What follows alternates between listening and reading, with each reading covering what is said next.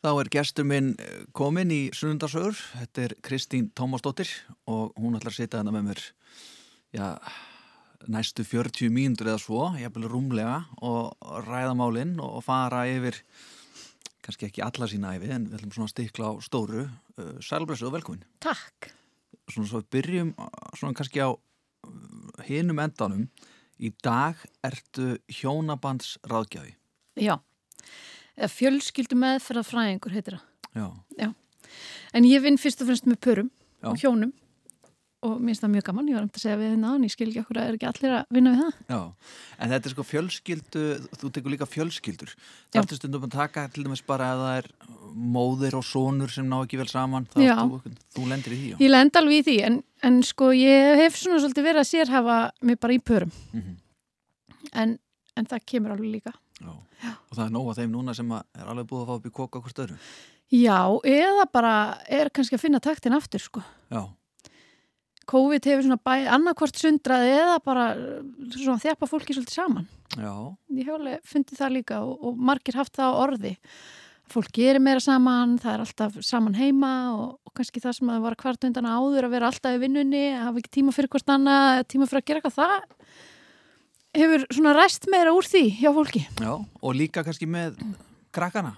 Ætti að hanga meira með þeim og gera eitthvað skemmtilegt. Já, ég minna, sumum finnst það, Mm aðrum, aðrir að bugast, Já, nú er tími til að læra tölvuleikina með börnunum Já, og, og, til dæmis. og klára púslinn sem að Akkúrat. aldrei voru opnið. Ég lendi nú sjálf í því að fara í sótkví sko, Mm. með börnunum mínum Já, og mannum mínum eftir sko viku frí á skýðum í mars og það var ekkit endilega það sem við þurftum á að halda sem fjölskylda sko nei. en eftir að fast mér það bara mjög góð reynsla það er svona, já, við þurftum að setja upp eitthvað dagskipulag og, og gera hluti með þeim sem við erum ekki fyrir að gera, Já, já. það er bara flott svona En hvaðan kemur Kristín Tómasdóttir? Heyrðu, hún er nú búin til úr hérna, Tómasi Jónssoni og Guðrúnu Jónsdóttur. En þau kynntust í hérna, kettlingafjöllum þegar mamma var 17 ára og pappi var 19. Já, Og þá var pappi skíðakennari í kettlingafjöllum og alveg töffari og mömmu fannst hann svolítið svona góðu með sig. Hann var að stjórna hérna, kvöldvöku með Eyva og, og mamma var að vinna í eld og svona mamma er mikil svona kvenréttindakona og baratukona og, og ég held þetta hafi kannski bara ekki, þú veist, henda henni eitt sérstaklega vel en að vera svona eitthvað, hún í eldúsinu og pappi eitthvað, eitthvað töffari hann að leika sem Eva. Ég leika sem Eva. Já, en já, en þau eru saman og búin að vera saman síðan og hérna og já, ég er sem sagt búin til úr þeim. Já. Og hvar uh, ólstu upp? um, það, ég ólstil upp á tveim stöðum. Ég bjó hérna á Íslandi í Kópóinum þangað til að ég var sex ára og þá flutti ég til Noregs og bjó þar þannig að 14 Já, já, þannig að ég er pínu norsk sko, já, ok Og Já. talar norsku og það er ég Vá, mm. hefur þú tekið það í, í, í ráðgjöf? Norðmenn? Ég er nú að vinna í núna eitthvað að prófa með áfram með að þýða bók Mm. frá norsku. Þannig að svona um, um hérna, hjónabandstengt mál. En, en annars hef ég ekkert mikið verið að nota norskunum. Ég var alveg til að nota hann oftar. Mhm. Ég stundum nota hana því ég fæ mér í glas. Já, einmitt Slærðu um við með norsku og... Já, það hefur komið fyrir. Já En þú sérst flytur sex ára til Noregs Já, En fyrir það þá ertu í Kópúi já, og uh, pappiðin skíðatöfari já, uh, sem er alltaf leika með Egilur Kristjánsson Já. Það er frábært að það er búin að fá hinn gæjan sko því að Egilur hefur oft sagt frá því þegar hann var að vinna við að í skemmta fólki kellingafyllu. já. Já, og nú er komin hann annar Anna Töffari. hinn Já, týndi, já, hann er komin sko. og svo er mamma einn eins og segir svona, svona uh, best fyrir hvem fólkin okkar Já, já. Og, og, og hérna bartu kona Situr ekki á skoðinu sínum. nei, nei. Nei. en svo kemur þú í heiminn og, Og ég er yngst sko að við erum já, Það halda sem eru við séum nýju nú, að það verður svo fyrirferða miklar. já, já, Við erum allstar og þannig að og svo, já, þannig að því að Sóli Tómasdóttir, það er sýsti mín, hún er 8 árum eldri en ég og Þóra Tómasdóttir, hún er líka sýsti mín og hún er 3 árum eldri en ég. Já. Þannig að, hérna, og svo kem ég, hann í Kópóinum, 1982 og þá voru nú mamma og pappi að díla við kreppuna á þeim tíma sko. Pappi var íþróttakennari í Öskiljaskóla og mamma var líffræðingur en var að vinna hérna í kvennaatkorn og þau þurfti að vinna bara rosa mikið eins og gegn og eða svona gerist á þeim tíma.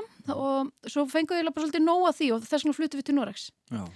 og pappi fór að læra hérna sérkjenslu og mamma fór svo að læra félagsrákjöf þannig að þau tóku svolítið svona uppeyju lífinu. Og ég var vön að vera bara einmitt, mamma og pappa voru mikið að vinna og, og sýstu mín er kannski svolítið að passa mig og, og svona. Og ég hef alltaf verið mjög sjálfstæði og fann að taka strætónu í bæði og fimm ára og, og þú veist, og svona var kannski líka bara einnkynna af, þú veist, þeim eða því lífi sem við lifðum á þeim tíma, en svo fluttum við til Noregs og þá fluttum við inn í svona pínlítinn dal, svona Astrid Lindgren dal og rétt fyrir þann Oslo. Og við áttum eiginlega bara heima í svona skíðabrekku. Þannig að ég var bara á skíðum á daginn og, eða þú veist eftir skóla og mamma var heima fyrsta árið og svona hæðist á öllu og, og við vorum bara svo mikið fjögur saman. Sólisistin mín fluti ekki með okkur út. Þá var hún bara núlingur og var í mentaskóla og það hæðist kannski svolítið á lífin okkar og, og ég ólst upp veist, ég segi alltaf bara ég ólst upp í Nóri og, og mér finnst ég að hafa allist upp við bara svona hérna rosalega verndað mattitt og betur líf þannig í, í Lúmedalinn í Nóri Mm. Heppin. mjög sko og hérna bara eins og fólk talar um að hafa allist upp litlum þorpum hérna á Íslandi Já. eitthvað svo les en, en hérna normin eru líka bara það er svona lífstíl sem ég sé svolítið núna ég hef tekið með mér rosalega mikil útivist og mikið bara eitthvað út på túr segja þær alltaf með Mhm. nesti og Rökbröð. rökbrauð og bara svolítið vond nesti Já, já. Mm. En holt. holt og vond Já, ódýrt Já, já. En hvernig, sko, sýstuðunar eins og segir, Mhm. þið, margir halda að þið séu bara nýju. Já. Eh, sko, það er læt í ykkur og, og, og sýstuðunar tvær, eh, þetta eru naglar. Já. Var þetta létt að, að eiga þessar sem sýstur eða, eða var mikið rifist og röggrætt? Og... Já, það var mjög mikið rifist Já. og röggrætt sko og hérna í mann bara einu svona sagði mamma við mig að, að þó rætti eftir að vera besta vinkon mín þegar við erum stóra sko og þú veist, ég man bara svona, ég man svo stert þessi tilfinningu, ég hugsaði bara, ok, þú veist, ert eitthvað lasin bara hvernig þetta í hug sko, bara því ég sá það einhvern veginn ekki fyrir mér sko Nei. En ég ólst minna upp með Sóli því að Sóli bjó hérna á Íslandi mikið til. En við höfum alltaf tekist mikið á og svona.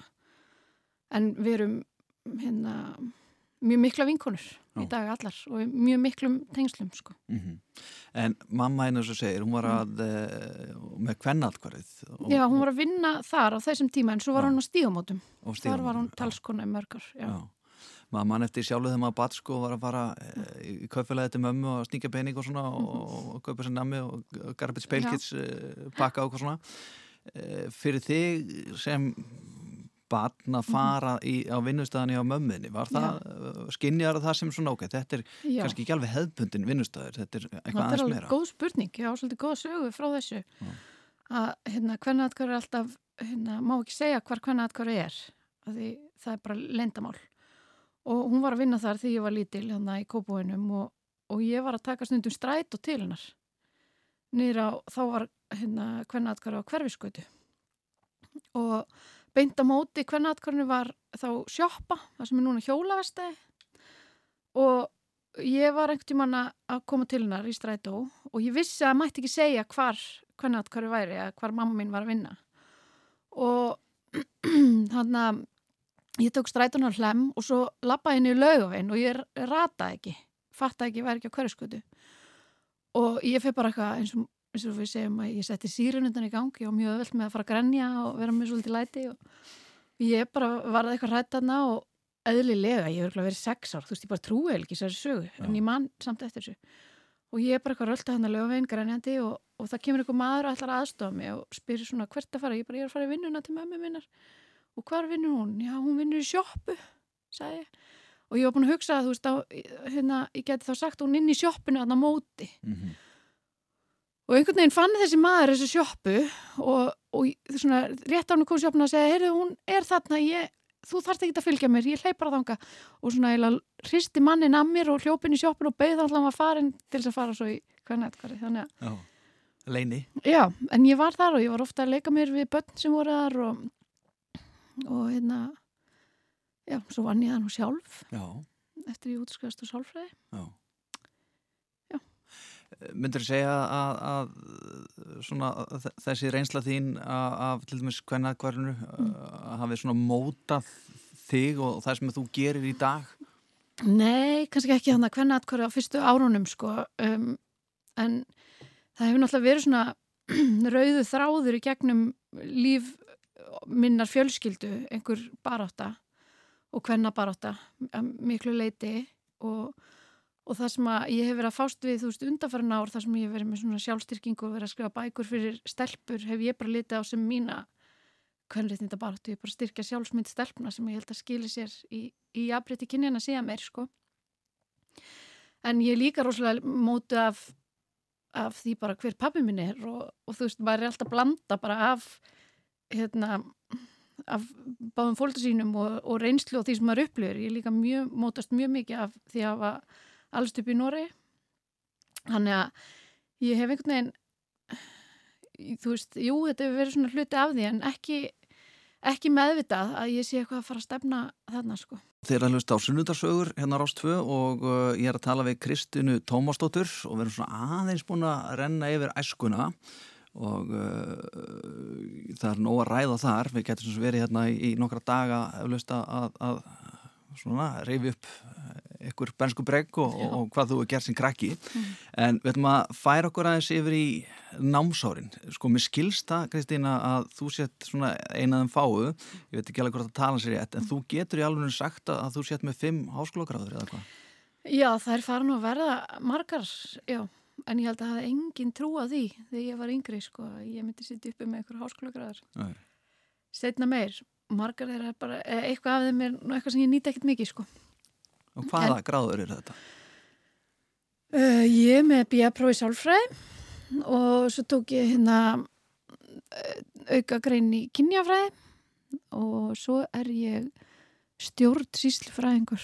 Wow. Það er mikið lesið Já, það gerst bara alveg óvart. Ég er með masterspróf í stjórnun í ofnbæri stjórnsýslu, heitir það. það er ekkert annað Það er ekkert annað, uh, en ég hef ekkert notað það. Og svo er ég fjölskyldum með fyrirfræðingur. Já. Já. Og mér langar svolítið að vera í doktorsnám í því.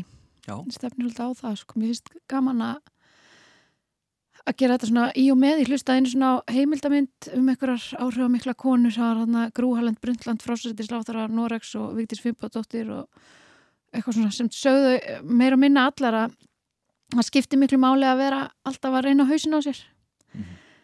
Og halda honum við og vera að læra nýtt og, og eitthvað svo les. Og þú ert heldur betur að nota hana haus ég meina, þú myndist rétt á það á að, að þú er skrifað nokkra bækur Já. og uh, það er að meðal svona sjálfstyrkingabækur fyrir Já. bæði stelpur og, og líka stráka Já, ég skrifa eina fyrir stráka, svo ég gerði það með Bjarnar Fritzinni, Mm. kollega mínum og svo hef ég bara lift honum að halda því áfram, sko. Já. Ég fann það þegar ég skrifaði þá bók fyrir stráka, hvað ég hef skrifað mikið bækurnar mína hérna út frá því að vera stelpa sjálf. En ég hef skrifað sex bækur og fimm þeirra er fyrir stelpur og ein, ein fyrir stráka. Mhm. Svo er ég nú að vinna einni fyrir hjón, sko. Nú, nú, nú Já. Þannig að kannski kemur hún út einhvern tímann Já, í bráð. Já. Já. En að því þú að tala um, um námsárin þá var ég alveg hörmulegu nefandi sko, alveg hræðilegu nefandi sérstaklega í hérna mentaskóla og bara ég fjall og fjall og fjall og ég lærði ekki neitt og ég réði ekkert við þetta áfangakerfi Hvað skóli var það? ég var í MH Já. Og hérna var rekin úr MH eftir að hafa fallið þrísar í ennsku hundra og það var ekki verðskulda fannst mér. Vegna þess að mér finnst ef, ef nefnundur falla þrísvar í sama fæinu þá þurfa kannski einhverja aðstóð Já, við það. Já, en ég átti alveg skilja að vera rekin úr skólanum því þú veist ég mætti ekki neitt og ég lærði ekki neitt og, og eitthvað svona. En ég hef alltaf verið ósátt við ástæðina hana fyrir en það var samt að besta sem hefur komið fyrir mig allan á þessum tíma að hafa verið rekin ég fór að vinna á leikskóla og svona fann að mér langaði til að læra eitthvað og, og festast ekki einhver starf, þú veist, hafa meiri möguleika Mhm. og þá kom ég bara aftur í skólan og, tók eiginlega bara eitt stúdinspróð á tveimur önnum eða eitthvað, ég fór bara öldugardeilt og dagskóla og, og, og eitthvað, rettaði þessu Í MH aftur þá Já. já. og útskrifaðist eh, bara hálfa ára eftir jafnöldur mínum með mjól með vinkonum mínum og Já, já, já, allt í botn allt í botn bara Já, en ég hefði líka vilja að vera búin að taka út aðeins meiri þróska því ég fór í sálfræðina og hérna bara, þú veist, maður þarf svolítið að, að já, vera fókusir þegar maður er að læra mhm En sko, hörmulegu nefandi sem að klára svo stúdindi bara náðast á tveimur árum Mhm. Þetta svona, þetta var ekkert með glæsibrak sko en, Ok. en þetta var klárað já, Já. já, já. Og þú vandaði kannski meira í, í hinnu sem að Já. tekið þið fyrir hendur svo já, Já. Ég myndi segja það Já. Svo fórstu líka, sko, uh, fórstu líka í það að vera með námskeið mm fyrir stelpur. já, sjálfstyrkingarnámskeið Já. Já. Hefur ég þú hitt? það ennþá Já, þú gerir það ennþá. já, Uh, Þú byrjar á því fyrir nokkrum árum síðan. já, tíu árum Já. Hefur þú hitt eitthvað af stelpum sem að mm. Mhm. vera námskeiðar sem er orðnar fullandar í dag og bara, hei, Já. takk fyrir þetta. Já, ég hitti mitt um daginn, ég var að kenna námskeið fyrir stelpur 20-25 ára sem ég voru svolítið vörfi upp á síkast að er svolítið tíndar í lífinu og, og hérna, ég tengi svolítið við það. En það er ekkert tíndar, það er alveg með þetta en það er haldaði sér ekki með þetta. Og ég var með sjálfstyrkingarnámskeið fyrir þær sem er nú ennþá ólokið út af COVID sko, en þá voru þarna einhverja nokkra sem hefði verið á námskeið hjá mér þegar voru yngri 10-12 ára og 13-15 ára eða eitthvað svona. Já, og ég hef alveg hitt, en ég hef ekki, mér hefur langað til að bara rannsaka kannski áhrifin meira, hvaða áhrif þetta hefur, en ég hef náttúrulega gert svona þjónustu kannanir frá foreldrum, og spurt hvort að finna ykkur mun og hvað börnin þeirra tóku helst út úr þessu og svona, og ég fæ mjög gott feedback. Já. Finnur eitthvað mun á ungu fólki, stelpum í dag og fyrir tíu árum síðan og uh, er yngri kynsláðan kannski verð eða betur stött í dag en þá? Sko, uh, ég held sér alltaf öðruvísi, bara vandamál sem vorum við fyrir tíu ára síðan er önnur en þau eru núna. Og hérna einu sinni voru allir blindfullinni í bæ eftir klukkan þrjú á, á læktorki í dag er fólk meira heima sér í tölvunum. Og hérna og við erum búin að ná að tækla alls konar vanda í samfélaginu. En vandi stelpna á þessum unglingsárum mótast að mjög miklu leiti af þessu samfélagi og, og samanbyrðu á Instagram og, og óreinhöfum útlitskröfum og svona. Ég verð alveg vör við það en ég er búin að vera að kenna svolítið sama námsefnið undanfærin tíu ár Já. en það miðar að því að fyrirbyggja að sjálfsmynd stelpna þróist í neikvæð átt ég er ekkert mikið að laga ég er ekki meðferð, þetta er ekki einstaklingsmiða heldur er ég að leggja inn upplýsingar sem þær geta nýtt sér til þess að fyrirbyggja sjálfsmyndin þeirra þróist í neikvæð átt Mm -hmm. og hérna og, og þá er ég ekkert að taka endilega á einhverjum svona einum samfélagsvanda uh, þú veist, í einu heldur bara að leggja einhvern grunn sem þú getur notað þegar þú ert að takast á við bara þau vandamál sem mæta þér í lífinu Og þú ert ennþá í þessu, þú ert ennþá með námskeið, mm -hmm. -hmm. þú ert að stefna á enn eina gráðuna, mm þú ert í hjónabandsrákjöf, þú ert að eh, svona, fara að þýða bók, Svo er vonu á fjórða badni svo ertu vona á fjóða badni, Já. sefuru, Já, ég sé bara mjög vel Já. og það er nóttunni. mm Já. Mjög vel á nóttinni sko Mm Já, En sko, þú myndist aðan á svona samanburð uh, þar sem að krakkar í dag mm liggja og, unlingar og ungt fólk Mhm. og bara fullotni líka, það er Instagram, það er Facebook Mhm. og, og þú veist, við tökum aldrei mynda á sjálfum okkur nema að sé ekki alveg æðislegt í gangi Mhm. og svo er búið að smetla myndinni og þá er allt komið í sama akið og arko Mhm. um, þú og þín fjölskylda Já. og, og, og, þið sýsturnar sérstaklega þið og þínar eldri Mhm. hafa svolítið fengið gaggrinni í, í fjölmjölum fyrir það að standa hansi fast á sínum skoðunum og, og, hérna, og þóra að segja það sem þeim finnst. Mhm. Eh, þegar þú varst svona táningur og í MH og svona þá er eftir stóri var við eitthvað slíkt. Það var að skrifa um þær og, og svona og einhverjar gaggrinni að hitta þetta sem voru að segja. Já. hvernig tókstu því? um, ekkert sérstaklega vel sko það, maður þurfti alveg að byggja upp smá svona skráp með það. En það, stundum fór það líka bara í þáttina að fóru töðunar á mér ef fólk var að yfirfara það sem þær sögðu yfir á mig. Ég var, já, hef tekið svona tímabilið sem ég hef verið í vörn eh, bara gagast sjálfur í mér og bara hún má alveg segja það sem henni finnst það því ekki að mér finnst það eða eitthvað. En svo, þú veist, mér finnst það að verið vegið ómaglega að þeim þá snertir það alveg einhver strengi sko og ég hef örgulega svara fyrir alls konar eitthvað eitthvað kæft að sem ég hef kæft neitt vita á sko. Já. en en sko það hefur líka fylgir þessu svona frekjustimpill og sem að við höfum allar verið með. Og ég hef líka verið svolítið ósátt við vegna þess að, að, að þó við séum, jú, það er alltaf að fara rauk fyrir því að við höfum ekkert maður verið frekar sko.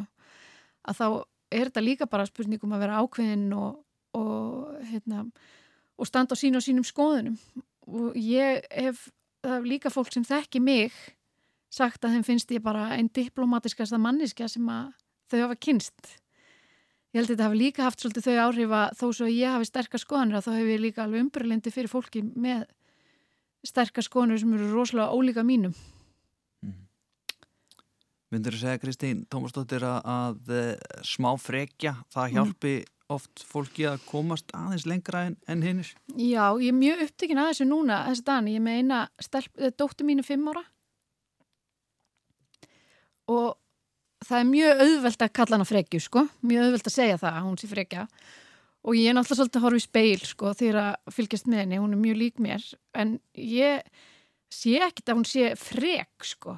Hún, hún er bara mér meira bara klár. Og svona fær í að tjá sig og koma sín á framfæri. Og ég held að sést það sem að var hérna áður fyrir kallað frekja Já, í stelpum. Já, ég held það, en minna stundu þar er bara síðan að til, stundum er hún bara óþekk bara eins og annar já, sem betur fyrir. Já. Kristín, eh, sko, allt þetta sem þú búin að nefna sem að þú hefur gert, ert að gera og ert að fara að gera Mm. og svo eru þið fjörskiptan líka á skýðum, pappiðinn og mammaðinn kynntust í, í kettlingafjöllum Já. og það koma skýðin inn í. Eh, Þið eru mikið skýðafólk mm -hmm. og svo ertu líka í, í crossfit eða eitthvað. já. Það maður fallast hendur. mér finnst sko hérna, í rauninni fænst mér ég ekki fá að tala nú mikið sem þú, já, bara yfir höfuð. Hér er sviðið. er, ég er sko ekki crossfit-stjarna en ég er búin að vera í crossfit í mörg ár og mér finnst crossfit hérna, geta lækna allan vanda.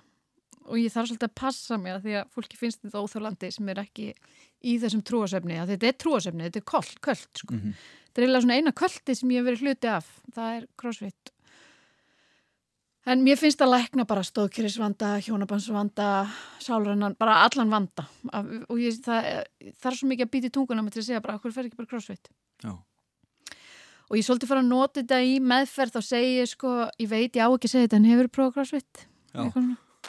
Og lappar fólk að bara út. ég stundum, Byrjar hún. já byrjar hún Já. en, hérna, en það er bara fyrst og finnst að mér er gaman að reyfa mig og það er bara reyfing sem hefur henda mér og, og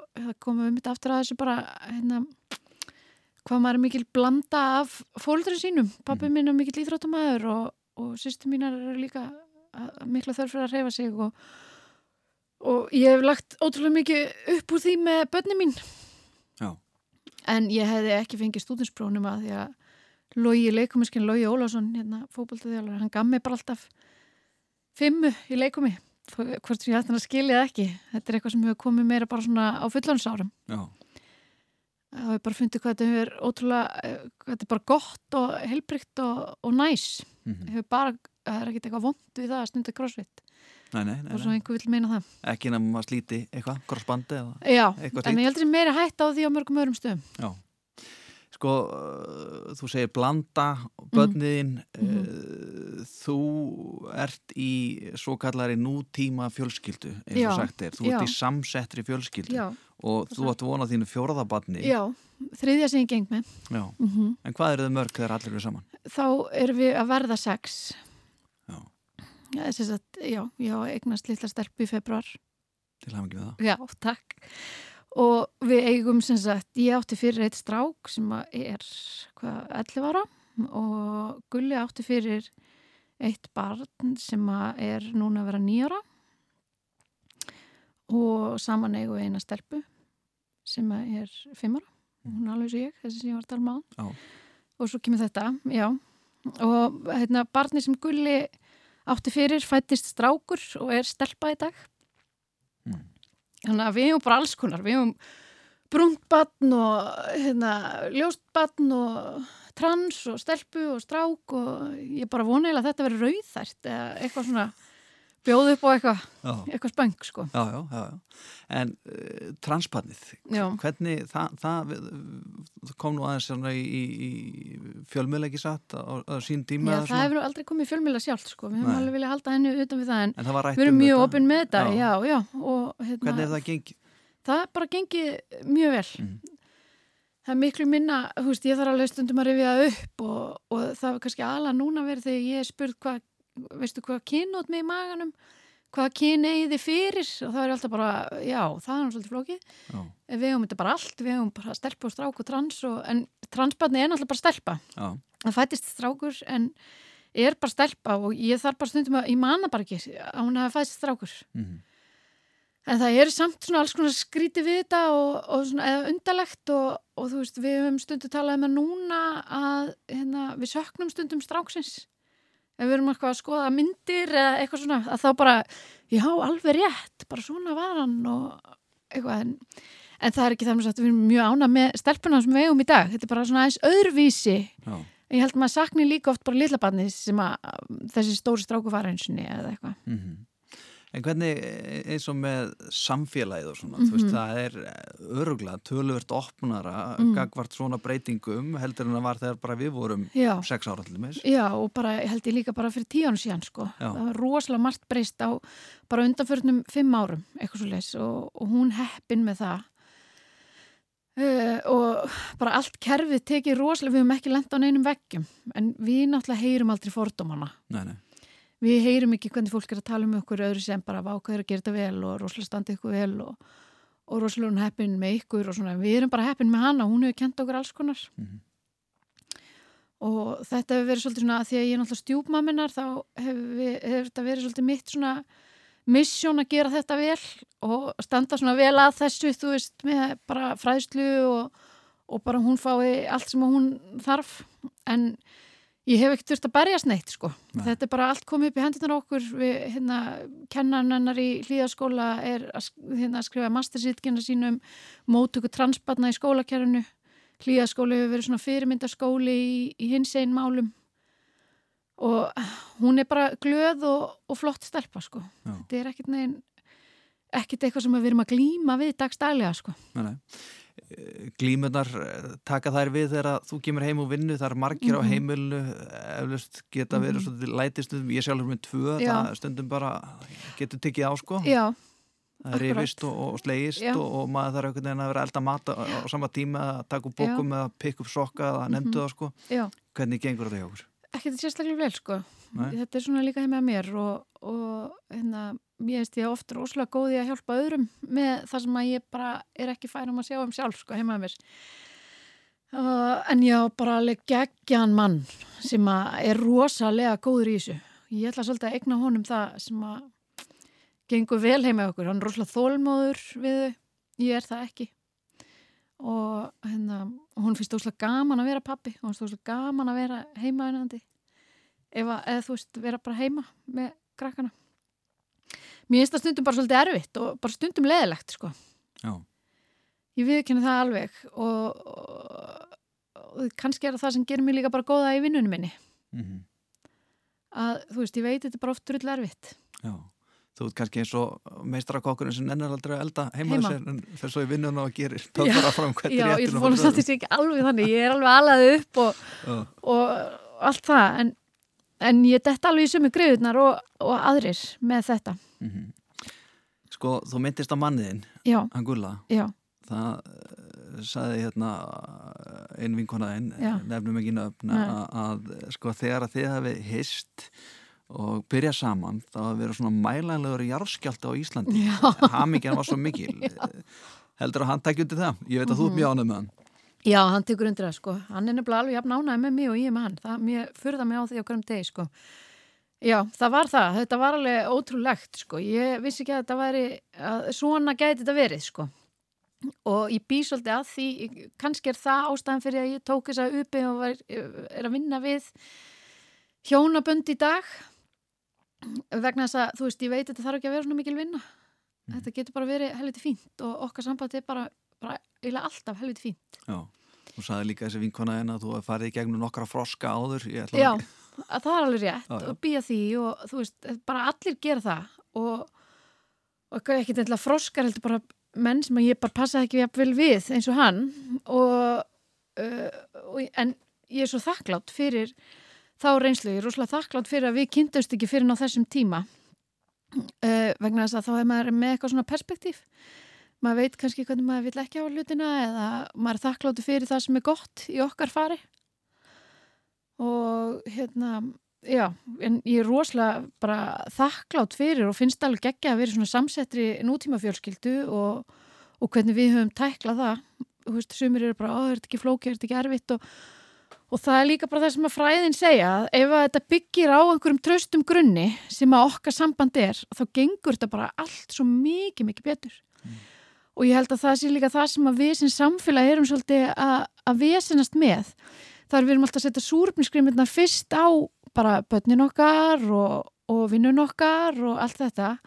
Í staðin fyrir að þú veist bara leggja svolítið rækt við parsamband það hljómar óslega klísjulega en að byggja á góðu pari það er bara eitthvað sem skilar okkur öllum meiri hamingju. Allar svona hamingjuransóknir sína að, að parsamband er það sem að gefur fólki mesta hamingju að það gengur vel. Sem er náttúrulega óþólandi staðrind vegna þess að, að veist, við viljum að hamingju okkar velti meira á okkur sjálfum. En það segir líka að ef gengur vel það, þá er allir ótrúlega mikils að vinna. Þú ert betri í vinnunin ef þú ert hérna, hamingsamur í sambandinin þú ert betri pappi ef þú ert hamingsamur í sambandinin Þeir að hlusta á sunnundarsögur á Rástvö Kristín Tómasdóttir hún er að segja sína sögu og uh, við erum komin á þann stað þar sem að við ætlum að fara að ræða hennar starf í dag. Það er hjónabandsráðgjafi þú ert að starfa við það allan daginn uh, sko Já. að tala við pör Já, að uh, svona hjálpa þeim að tala saman. Mhm. um, eða þá að hjálpa þeim að, að, að svona að, að skilja í, að fara í sikkur áttunni jafnvel. Já, maður vil segja að fólk getur komið tíminn á þreymur ástæðum. Og það er fyrsta lagi ef að fólk vil bara gera parsambandi sitt betra. Ef að það vil breyta ágætu yfir í gott og, eða, eða vondu yfir í gott eða hvernig sem það er. Og hérna, svo getur fólk komið að því að það veit ekki alveg í hvort fótinn er að stíga. Mjög margir eru þar. Bara er einhver sjans fyrir okkur að laga þetta samband eða hvernig tekið ákvörnum að skilja eða hvernig veit ég hvað ég vil sko. og það er mjög margir á þeim stað. Og svo er hægt að koma ef að fólk vill skilja og fá svona skilnaða stuðning, bara fá aðstofa að skilja vel, það er hægt að skilja mjög illa. Og það er líka hægt að skilja bara freka vel. Mm. Og það er kannski líka eitthvað sem að fólk þarf mest á að halda ef að annar alveg vil skilja en ekki hinn eða, eða er búið að vera í paramæðferð og enda svo í skilnaðastunningi eða eitthvað svo leys. Þetta er svona svo þjónusta sem ég get bóðið upp á sko mm. og það er mjög mikilvægt fyrir fólk sem er aðna í miðjunni, veit ekki alveg hvað það vill. Það er mjög mikilvægt fyrir það fólk að leifa sér að vera þar aðeins. Og, og ég fer eiginlega gegnum það með öllum pörum, bara, hérna, ertu eitthvað búin að skoða hvernig þú myndir skilja eða, eða hvernig lífi væri að þú myndir skilja.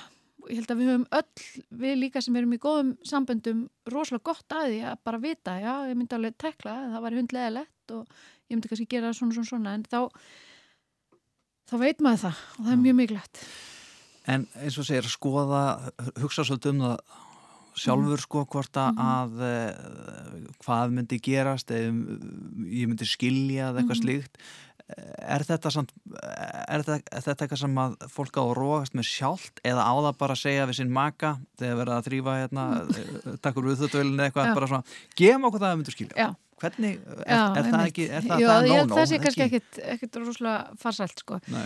það sem ég kannski að tala um þarna er að þegar fólk veit ekkit alveg í hvort fótinn á stígu, ég held að séu mjög margir að glíma við þannig hugsanir ég verð bara vör við það að stundum efast fólk og þegar kemur erfið tími, hvernig veistu að þetta sé bara erfið tími eða hvort að þetta sé bara endalókin eða eitthvað svo leis að þú veist, kvíði hann stjórnast af óvissu ef við vitum ekki alveg hvað er að gerast eða ef við erum hrætt við eitthvað sem er óþekkt að þá fáum við kvíða.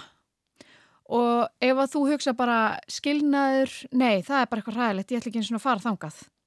Þá ertu kannski í parsambandi á vittlusum fórsöndum þá ertu kannski í sambandinu var af þegar þú vilt ekki í þess að gjá sem heitir skilnaður. Og það eru kannski ekki droslega góðar fórsöndur fyrir parsambandi. Mm. þannig að bara með því að í þess að gjá að þá ertu ennþá vissari um að af hverju ert í sambandinu þínu og af hverju þú vilt vera þar. Það er ástæðan fyrir að það er holdt að skoða Já. en að öðru leiti þá kemur að mér á óvart hvað eru fáir sem skilja. Allan sem leita til mín, kannski það því ég er svo frábær en ég held samt ekki það, þetta er, sko sambönd er það sem fólki er mjög kært og, og það er hérna, þegar kemur til mín þá er það mjög mikið niðri fyrir það virkilega vill reyna að laga eða breyta eða eitthvað svona, þetta snertir alveg viðkomistu tilfinningarnar í fólki Já. og hérna og það er til ég að leggja hans mikið á sig til þess að skilja ekki Já. og, en ef að fólk ætlar að skilja þá kemur það kannski ekkert mikið tímin heldur þannig að Nei, nei, nei, nei. þess er það kannski mínu upplifun Já, sko uh, þetta eru viðkvæm mál og erfið sem að Mhm. þú þarf stundum að sitja Já. í undir hjá Mhm. fólki og, Já. og þú ert að ræða um hitt og þetta Já. og, og, og hefur lendi lendur í einhverjum hasar eru Mhm. stundum þú veist, virkilega erfiðir tímar og, og jafnvel það, það er hurðum skellt Mhm. Já, já. hendur laðar á ekki hendur kannski hinn í mér sko en, en ég vinn alveg líka með fólki sem hefur beitt maka sinna óbeldi sko Já, en hérna að það er samt oft þannig að þegar að pör eru í átökum þá eru þið í átökum í mjög mikill í tauga spennu heima hjá sér og þá mjög auðvelt með að framkalla þessa miklu taugaspennu hjá hvort öru af því að það er tilfinningatengt. En það er ekki tilfinningatengt mér þegar það kemur til mín. Og þegar það kemur til mín þá er það kannski búið að býða eftir þeim tíma og það er búið að sitja fram á byggstofu og svo kemur það inn og það er búið að hugsa hvað ætla að ræða þar. Og það er ekkit alltaf í, um, já, það er sjaldnar en ég held að fólk sé í þessari miklu töðspennu hjá mér og það er sko mjög mikið leið hjá mér og það er oft mjög gaman í vinnunum minni. Og ég hugsa rosalega oft bara, djúvel, er þetta skemmtilegt sko? Að því að, að fólk er bara ókslega skemmtilegt. Mm. Me, meiri hluti fólks er bara rosalega skemmtilegt. Já, og það er það sem er lagt á borðið hjá mér. Og fólk er mikið grína sér og mann alltaf margt í svona parsamböndum sem er ókslega fyndið sko. já Þar til að benda e, e, Mhm. makanum á, en maður sjáðu, hún Já. er ógslag það, þú veist, við erum að læga hana, það er gaman, veist, Já, sko, hérna helsti vandi fólk sem kemur til mín sem bara sest í sófan minn það er miskilingur. Fólk er bara rosalega mikið að miskilja hvort annað rosalega mikið að halda að hafi lesið hugsanir hvers annars og hérna, skilji bara af hverju fólk er að gera þetta og það kannski bara myndi eitthvað allt, allt annað Já. og hlutverk mitt er bara að spurja hvað myndur með því og það kannski myndi viðkomandi bara allt, allt annað og þá bara, en það kom upp á yfirborðið sko eru bestu tímanir þeir tímar sem að fólk stendur upp og er allsælt og, og knúsast eh, eftir kannski grítanveg Það getur verið mjög, já, það getur verið mjög gott en það er líka bara gott að fara gegnum ótrúlega mikil átök og, og stundum hefur mig þótt gott þegar ég finna að fólk er að skilja. Já. Ég veit ekki hann að það alveg. mm og faraði kannski á betri stað Já, og þeim líður kannski bara betur, einhver starfnum starf. Já. Sko, eh, Ísland er lítið Mhm. Eh, við erum á höfuborgsvæðinu og, og, og Mhm. ég meina maður þekkir fullt af fólki ég meina bara stundum með maður á rauðu ljósi og það er bara eitthvað félagi við liðan á maður er bónus og maður hittir fólk sem maður kannast við og vinnu eða eitthvað, Mhm. eitthvað starf fortíðinni eitthvað slags Mhm. hefur lendið í ég maður gera svo sem ráð fyrir að þú Mm. hefur lendið í því að vera í viðtali og þú þekkir annan einstaklingin Mhm. eða jafnvel báða Já, ég reynir nú að vísa því frá mér, sko. Já, En, og það er bara eiginlega, hérna, luxus sem að maður býr við þegar maður er á höfuborgsvæðinu.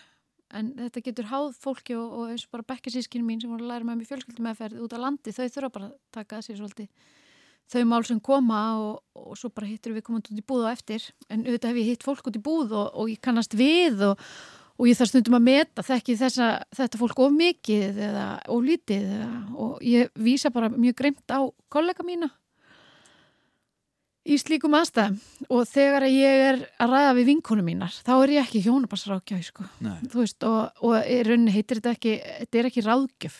Ég er ekkert að segja fólki hvað á að gera. Ég er að hjálpa fólki að finna sína lausnir. Mhm. en þegar ég er vinkona þá er ég rosa mikið að segja fólki hvað á að gera sko. og þá er ég alveg óhæfur komin, gjörsanlega óhæfur komin úr vinnukalanum og, algjörlega og bara fann að segja mína skoðanir og Já. eitthvað, það gerir maður ekki þarna sko. nei, og ég hef mjö, haft mjög gott af því að þurfa að vanda mig að vera ekki að segja skoðanir mínar.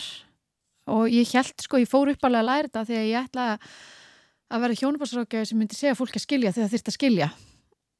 En ég hef aldrei sagt fólki að skilja eftir ég var hjónabásrákjaði nei, Þannig ég læriði svolítið að þurfa að býta í tunguna mér og þurfa að hjálpa fólki bara að finna sínar lausnir og sínar niðurstöður. Og það er eitthvað sem að bara hérna, hefur stundum reynst tómastætrum mjög erfitt, skilur mhm, eitthvað sem ég hef ekki þurft að gera framanna og en það er ég er betri í því en ég held já, miklu betri, og- eitthvað sem maður lærir.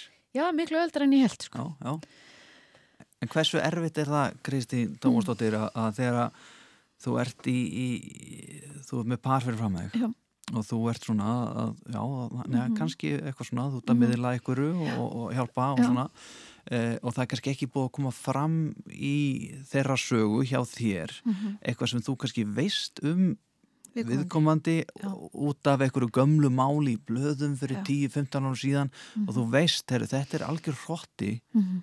En ég er samt hérna, mitt hlutverk núna er að Já. koma þeim saman eða, eða svona fá þau til að spjalla Já. en þú veist, þetta er bara viðbjöður sem sittur hérna Já, um mitt. Sko, mm, ég, mér finnst engin viðbjöður. Nei. Og kannski er ég orðin svolítið síðblind á það. Hvað má hafa gerst til þess að hægt sé að laga hlutina. Ég er ekki að afsaka það sem hefur gerst. En, en sko, það virkar rosalega illa í hjónabansráðgjöf að vera mikið að ræða hver sagði hvað, hvena, hvernig, hvers vegna. Það virka miklu betur að hugsa ok, hvernig getum við gert þetta ást, slæma ástand betra? Hvernig getum við lært af þessum, þessu sem búið gerast? Og líka reyna svolítið að skilja hvaðan kemur þetta? Akkur gerir fólk þetta? Akkur bregst fólk svona við? Við erum bara öll með rosalega misjöfn bjargráð og yfirleitt eru bjargráðan eitthvað eitthvað sem við höfum lært og við getum alveg lært önnu bjargráð. Og eins og bara ef við tala um fólk sem hefur beitt ofbeldi og svona, tala um hrotta það er oft fólk sem hefur sjálft verið beitt ofbeldi og þarf bara hérna, að fá aðstóðu kennslu í því hvernig á að bregðast öðru sér við. Af því að þeim var kent að svona maður að bregðast við hérna áður fyrr. Mm. um, og en ég skil alveg hvað átt við og ég held að ég myndi lenda miklu meira í þessu sko og kannski sérstaklega mitt hérna, fólk á mjög öðvöld með að dæma framhjáhald og það hugsa allir ég leiði mér að segja allir ef það er haldið fram hjá mér þá hættu við saman, þá skil ég við viðkomandi. Mhm. en flestir láta reyna á samband eftir framhjáhald. Já. Er eitthvað til sem að heitir svona hvað maður að segja uh, er, er, er, eitthvað, er, er eitthvað framhjóld sem á rétt á sér þetta er kannski svolítið snúin spurning. Um, sko ég hef alveg séð dæmi þess að framhjáhald að besta sem hefur komið fyrir par. Vegna þess að það er upphafi að einhverju nýju, það er upphafi að einhverju sem að kemur upp á yfirborðið og þurft að laga og breyta.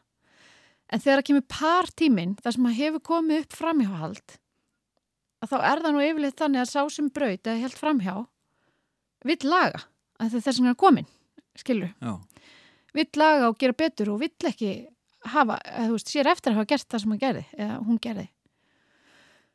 Og þá er bara oft hægt að laga ýmislegt sko já, og breyta ýmsu.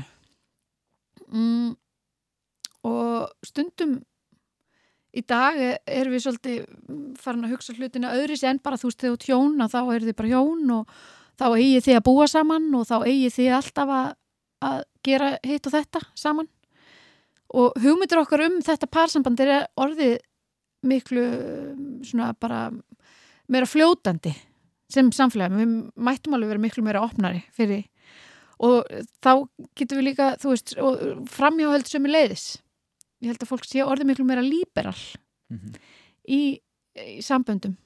Ekkit endilega að það sé gott að vera alltaf bara rosa líberal fyrir framhjáhaldum heldur bara það er bara mismunandi hvað henda fólki. Það er fullt af pörum í fjölkærum samböndum. Já, það eru pör sem að hafa upplifað framhjóhald og, og svo er það bara eitthvað sem hefur styrt sambandið þeirra og svo eru pör sem að hafa fattaði með framhjóhaldi að þau ekki vera saman og það er kannski bara besta sem að hefur komið fyrir þau já. Þannig að það er ekkit í rauninni sem að er rétt eða ránt, það er bara hva- hvað Já. hendar hverjum og einum. Já, og það er alveg ótrúlega fjölbreytt hvað það er sem henda hverjum einum og til dæmis ég vera uh, hafa verið svolítið mikið með pör sem að ha, það hefur reynst þeim vel að í sig eitthvað læg Já. að bara búa ekki saman en vera samt par Mm eða fara í sig ykkur áttina og eftir að fóru sig ykkur áttina þá hafa þau fattað sko hvað þau þráðu hvort annað mikið vegna að við þráum það sem við fáum ekki og Já. við getum mynda spennu með því að mynda fjallæð klest, eða þess að vera alltaf saman og getur líka bara verið merkjum klest tengsl sem er ekkert sérstaklega góð -hmm. Já, þannig að það er margt í þessu sko sem að getur henda fólki sem að, að bara gert, já, og bara laga sambönd til muna, Mhm. en okkur finnst það kannski skrítið sem er mikið munni. Já, já. Uh, Kristín, svona Mhm. rétt í lokin, uh, nú náttúrulega fyrir að líða jólum, Já. hátiljós og friðar. Já. Uh, hefur fundið fyrir á þínu ferli að þegar að svona nær dregur að jólum, jafnvel í kringum áramótin, Mhm. það myndast að spenna, það svona álag eikst á fólk, það er að gera veislunar, það er að gera pakkana, allt þetta sem tengist þessu og það Mhm. er stress og það er meiri trafík og það er, veist, hitt Allt þetta, já. það nefna alls konar. Uh, ertu var við fleiri tíma bókanir hjá þér í kringum þennan tíma?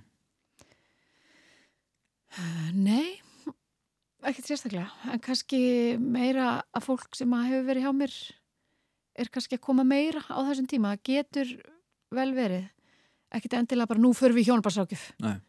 Ég held að sé ekki svona mikið fyrir er að. En það halda margir sko, ég var einmitt bara að kíkja á tölfræðina í gæri yfir að halda margir að flesti skilji í januar og það er ekkit endilega bara tengt jólastressinu, jólaháttíðinni og börnunum og eitthvað svona. Það er bara tengt því að, að það er nýtt upphaf. Það skil, skilja líka margir í september. Það er svona ný önn, ný byrjun á einhverju. Mm -hmm.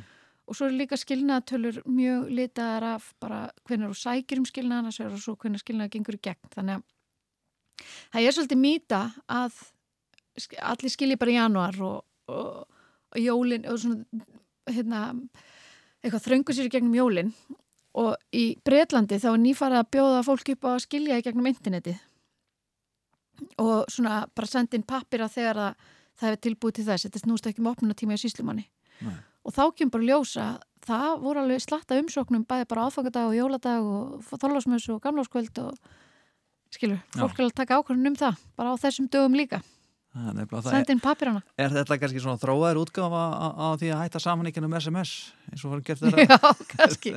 Breitlandi fara að bjóða á það.